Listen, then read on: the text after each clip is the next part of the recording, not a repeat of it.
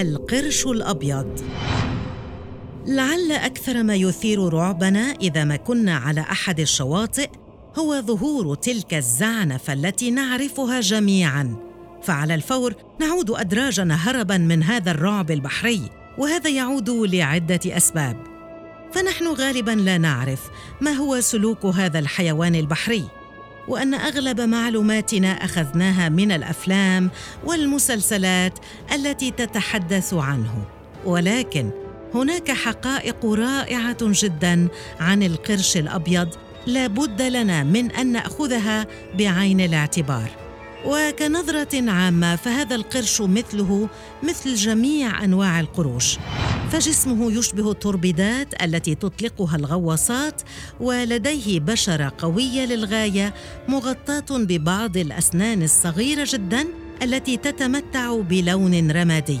هذا اللون يجعل من قدرته على التمويه عالية جدا خاصة عند الشواطئ الصخرية.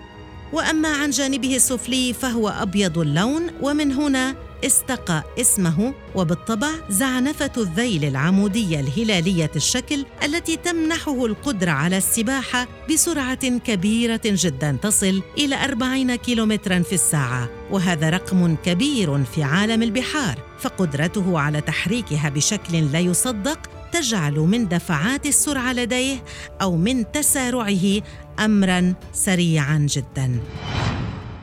يصل طول هذا القرش الأبيض إلى أربعة أمتار ونصف المتر. أما وزنه فيمكن أن يصل إلى طنين. تساعده في حمل هذا الوزن زعانفه الصدرية التي تبقيه متوازنا وطافيا داخل الماء.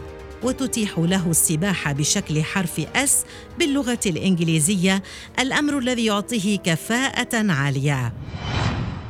أما عن الجزئية الأكثر رعباً والتي هي فك القرش فهو يمتلك ما يصل إلى 300 سن مرتبة في صفوف ويتم استبدالها باستمرار طوال دورة حياته ويصل طولها إلى نحو الستة سنتيمترات. الأمر الذي يعطي هذا القرش عضة هائلة عند مهاجمة فريسته التي لا يمكن أن تنجو من هكذا ضربة. هذه الأيقونة البحرية وحدها تتحمل مسؤولية نصف الهجمات البحرية على البشر كل عام. فمن كل مئة هجوم خمسون منها يقوم بها القرش الأبيض. لكن لماذا هذه العدوانية؟ السبب الوحيد في ذلك طبيعته الهجومية. فهو يتغذى على كل ما يتحرك تقريبا في الماء حتى الحيتان العملاقة لم تسلم منه. فبمجرد أن يحدد موقع الفريسة عن طريق حاسة الشم يهاجمها بسرعة كبيرة ثم يتركها تضعف وتموت ويعود بعد ذلك لأكلها. ويمكن أن يبقى بلا طعام لمدة ثلاثة أشهر. بعدها ببساطة هذا المخلوق خلق ليفترس لا أكثر ولا أقل. عموما هذا الحيوان غير اجتماعي يعيش بشكل منفرد. شهدت بعض الأزواج معا حول جثث كبيرة وهذا المخلوق قابل للتكيف مع البيئات البحرية. هو قليلا ما يعتمد على بصره الذي يعتبر حادا للغاية.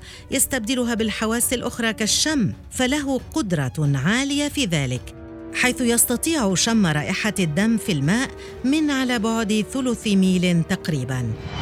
هذا القرش دائم السباحة لا يتوقف. يلد صغارا أحياء لا يبيض حيث يبلغ القرش الأبيض جنسيا في عامه السابع عشر. فترة الحمل تكون عبارة عن سنة إلى سنة ونصف وتحدث هذه الدورة كل عامين إلى ثلاثة أعوام.